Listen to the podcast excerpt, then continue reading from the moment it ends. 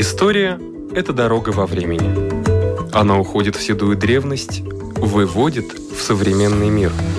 Она показывает, рассказывает, объясняет. И не перестает удивлять. Живая история.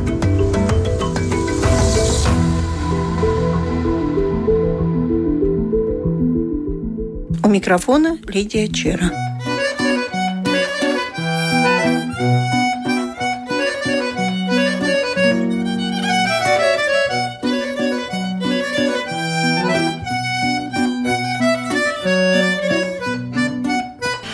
Лигу, да. наверное, праздновали и в старые времена. Историк да, Мартин это... очень хочет рассказать. Да, очень хочет что-то сказать. Спасибо. Да, мы уже с вами говорили, вспоминали такого предпринимателя 18 века в Риге, который действовал Яниса Штейнхауэра. И вот э, по историческим документам и по историческим преданиям можно определить, что он является вообще-то одним из самых энергичных создавателей этого праздника, создавателей в том смысле, что он, когда приобрел в 1756 году имение Засувалкс, тогда называлось Засумой же, теперь мы знаем эту окрестность по железнодорожной станции Засувалкс, но это, в принципе, там, где-то в этом районе. И когда он приобрел это имение для себя, он там возобновил эту традицию празднования Лиго в Риге, в Пардаугове, и имел, как свидетельствуют его соратники, имел довольно большой успех. Но дело в том, что первые сведения об праздновании Лигу имеют гораздо более старший характер, если так можно сказать. Древнейшую Они, историю, наверное. Да, имеют, имеют гораздо более продолжительную историю, потому что, как установили историки, занимающиеся средневековой историей Риги, то еще в XIV и в XV веке, когда создавались такие организации не только ремесленников, но и разного рода других предпринимателей города Риги, тогда в 15 веке появилось такое общество или такая организация грузчиков пивного дела. Так можно было бы это переводить. Месса и Бралиба она называлась. Это, да, ну, в принципе, это были разного рода грузчики, которые имели свой удельный вес в этой экономике средневекового города, потому что так как Рига являлась торговым центром, то очень большое значение имела как раз транспортировка разных грузов, которые поступили в Ригу и которые шли потом дальше на экспорт где-нибудь на Западную Европу или противоположном направлении из Западной Европы поступали в Ригу и потом шли вверх по течению Двины и шли в Восточную Европу, и белорусские и русские земли. И вот из-за этого эти общества или объединения грузчиков разного рода, которые транспортировали или пиво, или соль, или коноплю, или что-то другое, они имели довольно такое большое значение в средние века. Ну так вот, определилось по документам, что еще в 15 веке представители этой организации грузчиков пива тоже праздновали день, как тогда называлось, День Святого Иоанна, 24 июня по нашему календарю, потому что это объединение организации грузчиков, она создавала так называемую гильдию Святого Иоанна в средневековом городе. То есть они уже объединились в такую серьезную корпорацию, у них был свой устав, у них были свои правила и традиции, которые они соблюдали. И в число этих традиций входило также и празднование Дня Святого Иоанна. То есть как бы это все вместе совпало и с Э, христианским календарем и с обрядами христианской церкви, тогда еще католической церкви, до реформации. И есть такие сведения, что они тоже, как представители своего ремесла, очень развивали это и потребление пива на этом празднике, потому что они этими бочками как бы владели, можно так сказать. И появилась тогда и традиция по документам, что поднимать одну бочку на высоте и потом сжигать. А, э, вот, То есть это, это старинная традиция, да, она как-то прослеживается вплоть до 15 века. Да, похоже а. с языческими традициями, но Да, да, но это все такое сплетение, да, языческих угу. каких-то начал и этого Дня Святого Иоанна, который официально уже признавался и церковью, и можно было это праздновать не, не скрывая. Ну, потом Ливонская война 16 века, который конечно, прервал всякие мероприятия, но еще в конце XVI века тоже есть такой известный текст, песня о Риге называется, как бы точнее перевести на русском языке, «Славинаем с Рига», этот Базилий Плыний в конце 16 Слава века. Слава Риге, так бы и назвал. Да, да, есть такой Песня. памятник литературы, в котором тоже упоминается в нескольких строках о том, что празднуется этот праздник День травы, если буквально перевести из тогдашнего э, латышского и немецкого языков. День травы или рынок Дня травы, тоже такое название имеет место в 18-17 веках. И что эта традиция сохраняется в окрестностях Риги. А из травы веночки можно сплести с цветочками?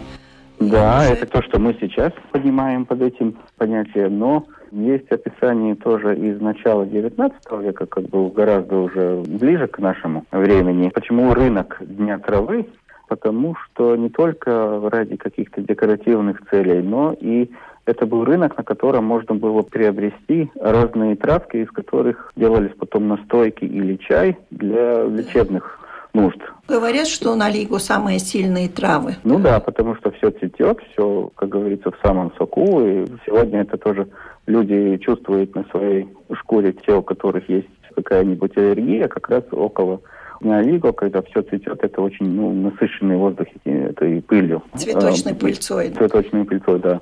И в XVIII веке, когда создавалась рецептура рижского черного бальзама, там же тоже по существу входит в эту рецептуру напитка входит очень много разных э, цветочных трав, да, и настойка на этих травах, на спирту, она, конечно, действует. Так что тут можно сказать, что эта народная медицина каким-то образом повлияла даже на рецептуру рижского черного бальзама. Но все как-то меньше и меньше празднуют этот праздник, честно говоря. Когда был запрещен, всем хотелось. Сейчас, когда можно, ну, уже желающих поумерилось. Не знаю. Поумерилось, почему. да. Но это, к сожалению, так бывает с древними традициями и обычаями, что они со временем теряют свою силу.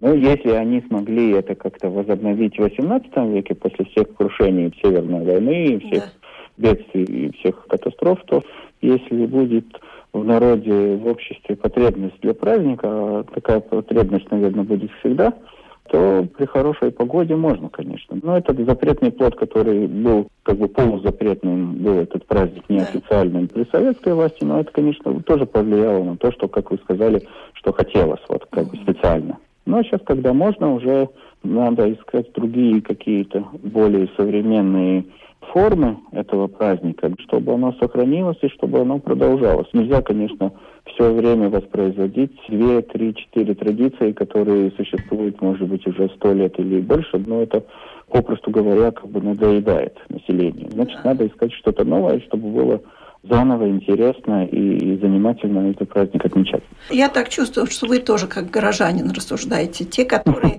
истые язычники, у них там столько всяких правил, что сразу и не рассказать. Конечно, это тоже, кстати говоря, черта современного общества. Как мы знаем, есть, есть очень много этих неоязыческих движений, всяких и кружков, не только у нас. У нас это как бы произошло отчасти от фольклорного движения, тоже еще с советских времен, и потом уже это Белтуриба, которая была еще до Второй мировой войны, и была такая организация полурелигиозная, полуязыческая. Но что-то похожее есть и, к примеру, в Британских островах, в Англии, в Шотландии, в Ирландии. Там какие-то корни сохранились христианского язычества, и все знают об этом памятники еще каменного века Стоунхенджа, который да. находится в Англии. И там же тоже собираются эти, как они сами себя называют, друиды, то есть продолжатели этих языческих традиций. И они тоже как раз празднуют это летнее солнцестояние, как раз то, что мы называем Лиго. Кстати говоря, само название Лиго появилось только в 1900 году, и это предложил как название этого Янова дня, как альтернативу, это предложил композитор и собиратель фольклора Эмилис Мелнгайвс. И сам он, э, кстати, потом э, жалел об этом, потому что он подумал, что это все-таки не самый лучший вариант, надо было придерживаться к старому названию Дня Яна или чему-то подобному, но это как-то очень э, быстро прижилось, и так что мы сегодня тоже это, по-моему, даже чаще называем праздником Луиго, чем Ян, как бы параллельная такая. Ну, довольно недавно появилась это. По пытаются сделать Лигояне, тоже ну, объединить. Ну да, можно и так, и, и по-другому. Современное звучание праздника. Да. Ну, есть такие интересные, уже сохранились визуальные источники, чтобы мы имели какое-то представление о том, как праздновался этот день Виго в окрестностях Риги или в самом городе, сохранились эти рисунки, литографии, графики из начала XIX века, когда можно увидеть такое большое течение народа, вот как было до пандемии, когда праздновалась Лига на набережной, около старого было, города. Да. И очень что-то похожее есть из начала, рисунки из начала 19 века, там около 1830 или 40 да. годов, был такой рижский художник Теодор Рикман, который это документировал. И тогда об обширности этого праздника говорит тот факт, что Рижский магистрат, значит, Рижское самоуправление тогда, в начале XIX века, официально объявило место для празднования этого тогда народного праздника, потому что там участвовали все, не только латышское население города Риги и пригородов, но все, которые были тогда э, на Лигу в городе, да, они могли там участвовать и это и делали. И тогда Рижское самоуправление отвело специальное место для этих нужд – это как раз напротив современного каменного моста, напротив старой ратушной площади, там, где на набережной была такая продолжительная часть, специальная часть на набережной, там, где был старый мост на плотах, там, где сейчас э, каменный мост. Да. И там получался такая площадь вне города, потому что город был огражден еще земляными валами и этими всеми военными конструкциями вокруг старого города. А там на набережной получалась такая более обширная площадь, и на этих рисунках можно увидеть, что там действительно очень разношерстная публика приходит, и там происходит этот травной рынок, торгуют и травками, торгуют и разными печеньями, и другими изделиями для детей покупают разного рода игрушки, другие только гуляют по набережной и так далее, и так далее. Так что с начала XIX века это уже был такой городской праздник для всех, не только этнический, фольклорный. Историк да. Мартин Шминтаурс.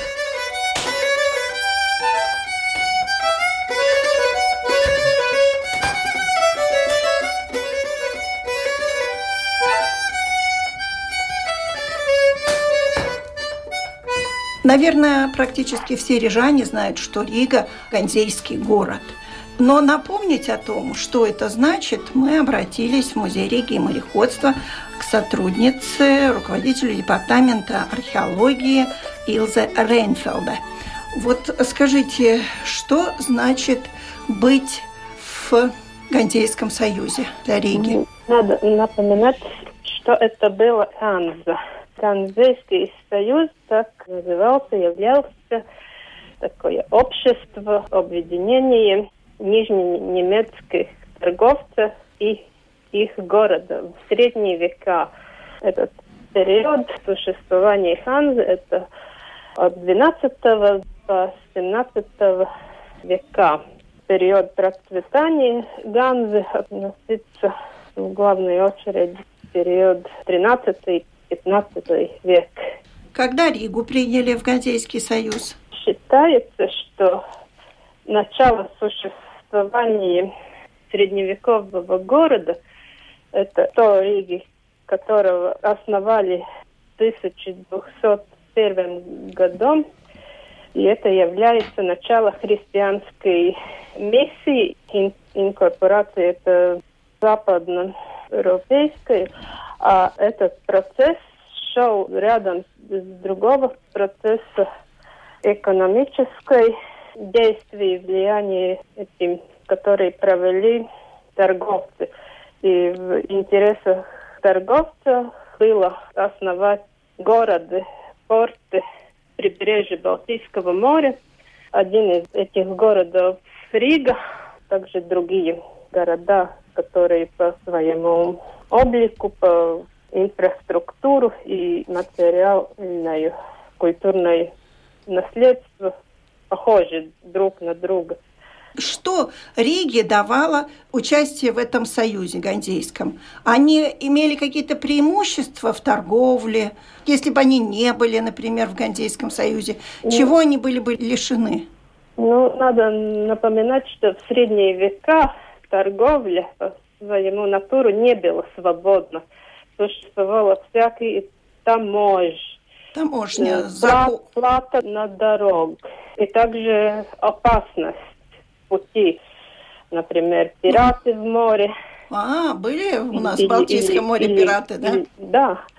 И также грабитель. И, конечно, эти торговцы были заинтересованы во всякие привилегии. И эти привилегии им могли дать владетели землей.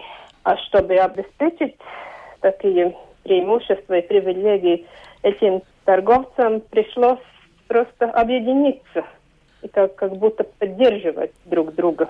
Ну, например, на рижский корабль напали пираты. Как действует Ганзейский союз? Отправляет туда армаду кораблей? Это уже крайнее решение. Вообще-то была ситуация, когда Ганзийский союз, город Любаки и другие вендийские города вступали в войне с Данией за торговские пути. И в этом ситуации Рига поддерживала это финансиально, оплатила Известную некоторые сумму, да, для де- того, чтобы... действий. И если такая ситуация, когда нападают на корабле пираты, тогда если, например, находятся находки кораблей, и это на, на земле, с которым они включили какой-то договор, тогда им есть полные права собирать обратно своего То есть э, тот, кто нашел, не является хозяином. Скажите, а какие-то страхования кораблей было в те времена? Ну, я, конечно, понимаю, что с XII веком трудно, наверное, нашлись какие-то документы, но все-таки до XVII века, может, какие-то документы сохранились на страхование кораблей, груза. страхование э, То есть, если корабль утонул, утонул, все, владелец потерял все. Он не мог заранее, например, уплатить каким-то богатым чиновникам, которые потом ему возместят какую-то часть убытков. о таком э, Документов не сохранилось? Нет таких документов, как это мы, мы сегодня понимаем в страховании, но такие объединения дали преимущество, потому что у некоторых торговцев или, или у группы торговцев группа могла иметь несколько кораблей. Если один утонул и был утрачен, тогда остались и другие, и просто эти торговцы не теряли все, что у них было. А много кораблей торговых имел ганзейский город Рига?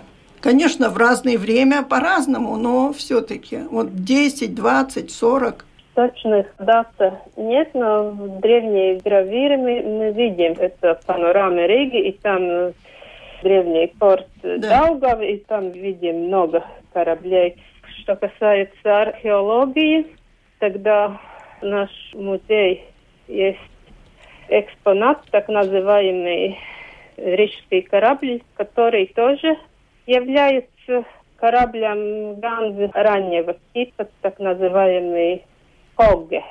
Это был особенный тип кораблей, Ну, парусник. да, небольшой парусник, способность перевести груза. Небольшой парусник, но он метров 20-то был в длину.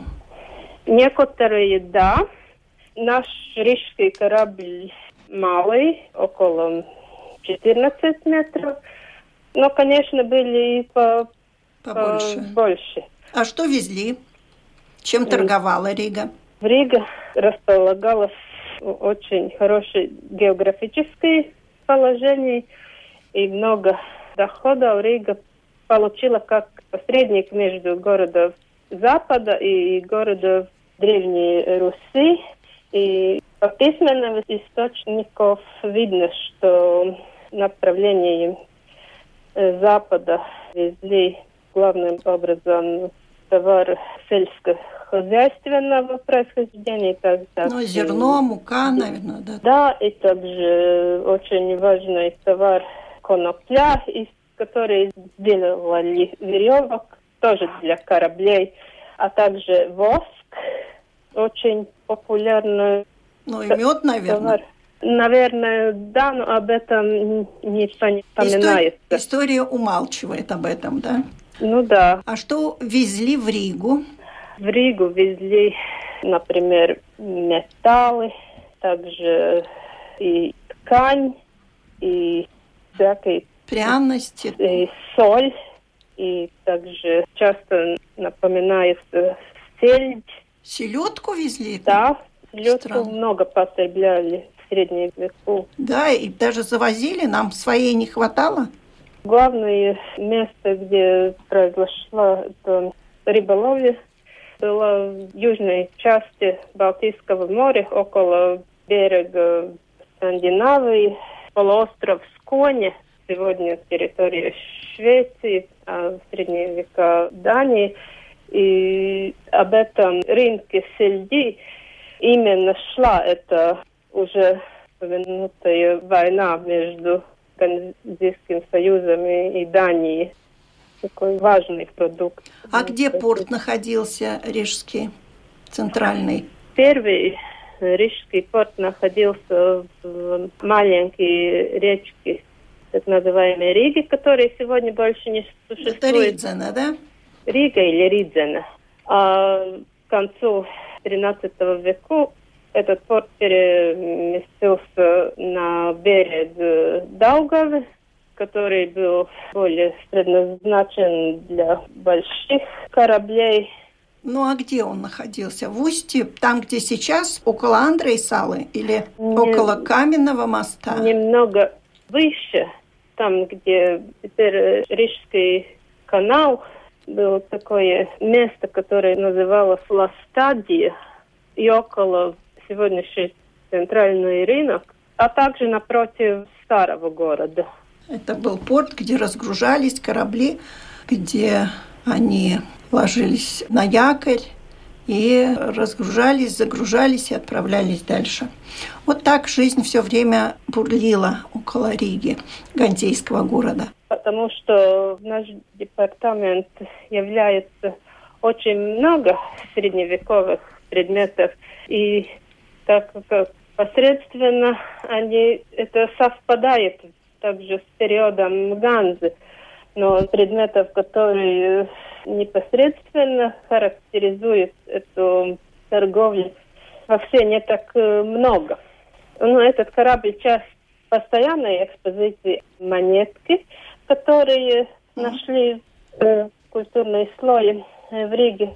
Эти монетки наверное, ими когда-то пользовались также торговцы и рижане. И есть э, не только местные монетки, а также монетки, которые чековались. Чеканились. Э, да, чеканы других ганзейских городов. Это монеты из Гамбурга, Готландии и Любека, также Кельна. Любопытно, на денежку всегда приятно посмотреть. Но, наверное, о других предметах оценить их можно будет в музее, если прийти и посмотреть. Спасибо. У нашего микрофона была сотрудница музея регии и мореходства, руководитель департамента археологии Илзе Рейнфелде.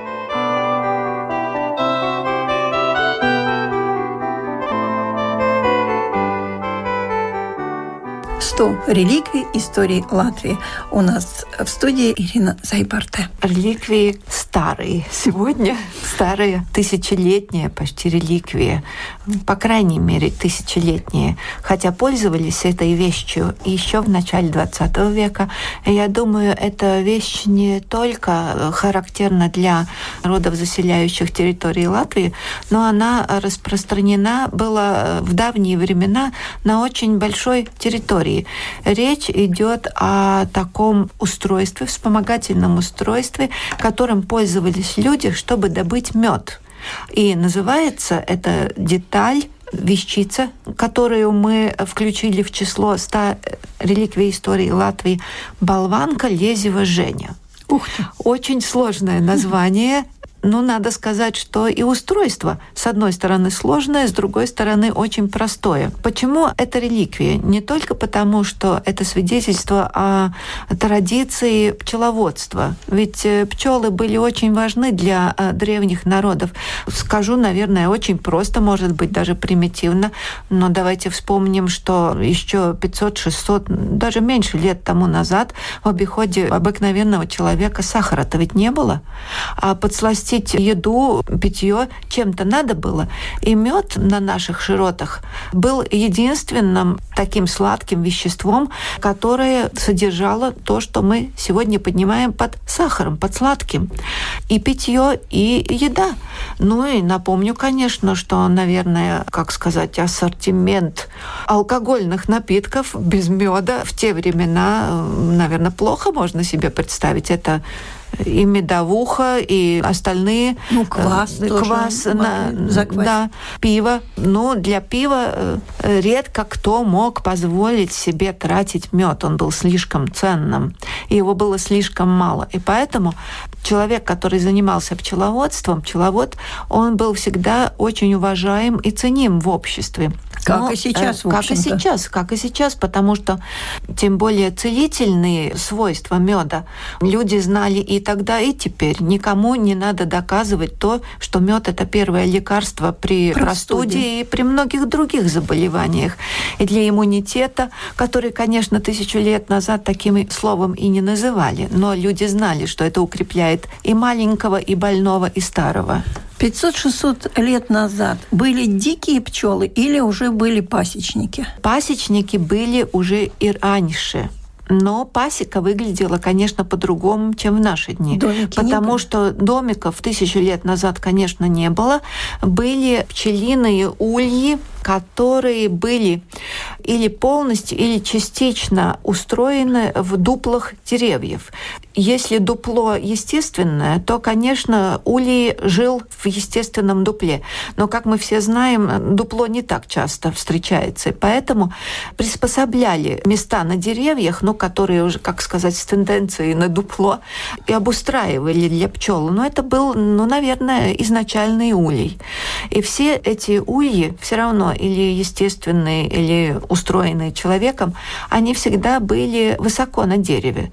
Это чтобы сохранять и улей, и мед, и, конечно, и от двуногих, и от четвероногих сладкоедов. И поэтому, чтобы добраться до улья, до меда, э, человек должен был э, поднять себя на уровень дерева. Что значит поднять себя на уровень дерева? То есть залезть на дерево, ну, как сказать, может каждый мальчишка еще сидеть там и работать с пчелами, которые не очень-то довольны вмешательством mm-hmm. человека, и выбрать мед, в целости его доставить вниз, это не так-то просто. Поэтому человек придумал приспособление, вот это самое лезево. И это значит, что это небольшая дощечка, которая используется как сиденье. Представьте себе, как на качелях. И эта дощечка, так же, как и на качелях, э, встроена в веревку. В данном случае э, в древности в лыковую веревку. И при помощи нескольких деревянных деталей вот этого самой, этой болванки, которую я называла, и еще некоторых, человек поднимает сам себя на веревке угу. до э, уровня улья. Потом еще одной деталью. Он закрепляет себя на этом уровне, сидит, ну, висит на уровне улья и работает. Когда кончает работать, вместе со своим медом открепляет уже это крепление и спускается вниз. Ну, сноровка должна да, быть. обязательно. Это каждый не мог. Во-первых, потому что надо было, надо было иметь силу силу рук, чтобы поднять себя, и, конечно, сноровку, чтобы удержаться на весу, э, пока работаешь с медом, пока добываешь мед. А именно эта деталь, вот эта болванка деревянная, она еще и уникальна тем, что ей действительно тысячи лет. У нашего микрофона была Ирина Зейборта. На этом наша программа заканчивается. Всего вам доброго.